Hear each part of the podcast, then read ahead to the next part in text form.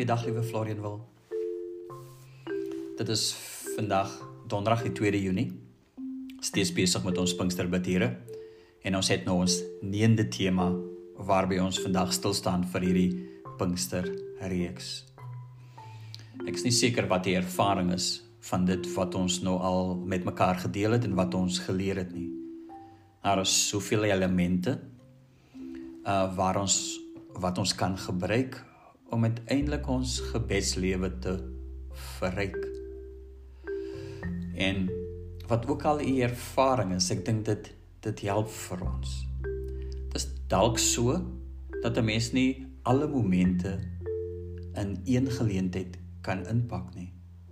Is dalk so dat ons miskien van die elemente skei van mekaar en in versekerde gebede ons fokus op sekere elemente. Ek dink dit is waardevol om tog behoorlik aandag te gee aan elke element en dit in te pas in ons gebedslewe in 'n dag. Ek besef ook dat sekere elemente op sekere tye beter werk as ek net dink aan vandag se tema. Maar aan einde van die dag, gelei deur die Gees van die Here, kan u u gebedslewe inrig. Um net soos u goed vind. Want uiteindelik besef ons as gereformeerdes glo ons eintlik dat die lewe 'n erediens is. Met ander woorde dat elke oomblik van die dag 'n geleentheid kan wees om met die Here te deel. En mag ons dit reg kry terwyl ons leef deur elke dag. Maar ons het het die kans nodig om stil te raak voor Here. Ons het nodig om te praat. Ons het nodig om aandag te gee aan daardie elemente soos ons bespreek het. Maar sterkte daarmee broers en susters. Ons kan miskien op 'n stadium net met mekaar deel wat ons ervaring ook was. Ons is gereed om te begin. Ek open vir ons met gebed. En ons lees ons teksgedeelte van daar af. Aanbiddelike Heer, wat 'n voorreg Here en wat 'n wonderlike kans het ons nie Here om nou in hierdie oomblik Here u genade troon te mag nader die lofprysing op ons lippe, Here, is vir U, Here, wat liefdevol en goed en genadig is teenoor ons en teenoor U wêreld. Here, werklik waar die liefde ken geen perke nie. En tog Vader, is dit nodig dat ons die liefde sal probeer verstaan, Here. Help ons ook daarmee, Here. Maar laat ons in alles, Here, wil ons sê en glo en bely, Here, U is vir ons baie goed. Sien ons nou Here as ons weer kyk na U woord en ons gebedslewe, Here, seën ons daarmee asseblief Vader in Jesus naam met danksegging. Amen. Vriende, broers en susters, genade en vrede um vir julle. Ons teksgedeelte is Kolossense 3 vers 16. Dit lees soos volg: Laat die woord van Christus in sy volle rykdom in julle woon. Leer en vermaan mekaar in alle wysheid. Deur met dankbare harte psalms, lofgesange en geestelike liedere tot eer van God te sing. Dis ons teksgedeelte vandag. Reg aan die begin sal Eastman die volgende sê en ek gebruik dit as inleiding ook vandag vir ons en hy sê here we discover one of the most neglected aspects of personal worship singing alone in God's presence. Ek dink niemand van ons het 'n probleem met sang nie en lofliedere tot eer van die Here nie. Dit is 'n baie belangrike element van ons geloofslewe.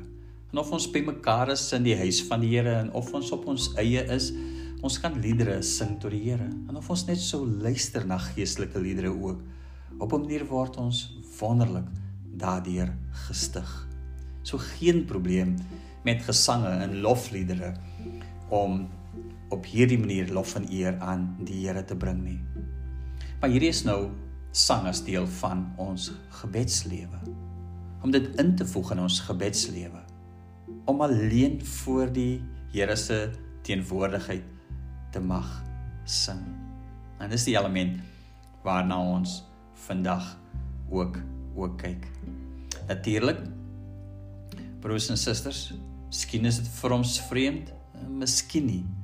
Maar vir die Bybel is dit baie baie belangrik dat daar lofliedere uh, gesing sal word. Psalm 22 as se eerste teks, vers 4: U heers wat die lofliedere van Israel opklink.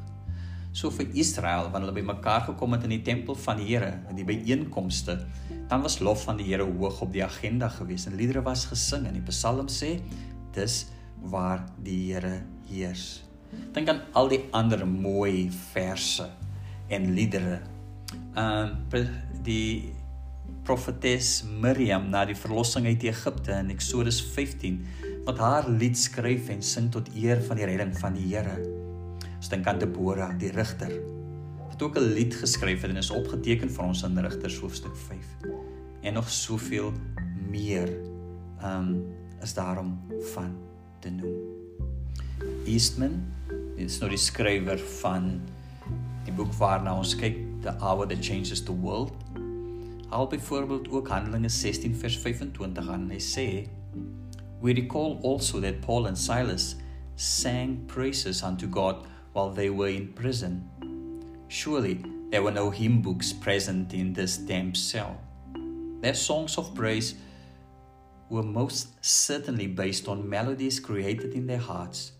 To these melodies were added personal words of praise. Ek moet erken ek het nog nie so daaraan gedink nie, maar ek besef dat die vroeë kerk tot op daai tyd was daar seker nog nie liedboeke gewees nie. Natuurlik nie, is te vroeg in die lewe van die kerk. Maar dat hulle gesing het, daarvan is ek seker. En jy weet wat ons soms doen is om bestaande liedere te neem en dit oor te neem en die lirieke te herskryf sodat dit kan pas binne 'n nuwe um, nuwe konteks. Maar dan Eastman wil veral vir ons beklemtoon dat mense in oomblikke van gebed en wanneer hulle stil raak voor die Here dat daar melodies in hulle harte opkom of dit bekend sou wees of onbekend maak nie saak nie en dat hulle eintlik soort van in hulle gedagtes net woorde formuleer en 'n eie lied sing tot eer van die Here. En ek dink is dis die een ding wat wat ons leer. Ons kan sommer spontaan tydens gebed net sing. Woorde saamvoeg en daardie eer aan die Here ook bring.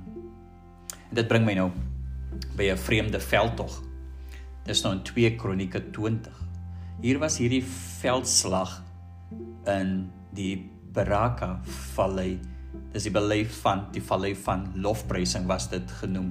En wat hierdie veldslag besonder maak, is dat uiteindelik het sang die oorwinning gegee. Ons lees van Moabite, Ammoniete. Daar was ook meer niete gewees wat saam met hulle was Hulle was 'n magdom gewees.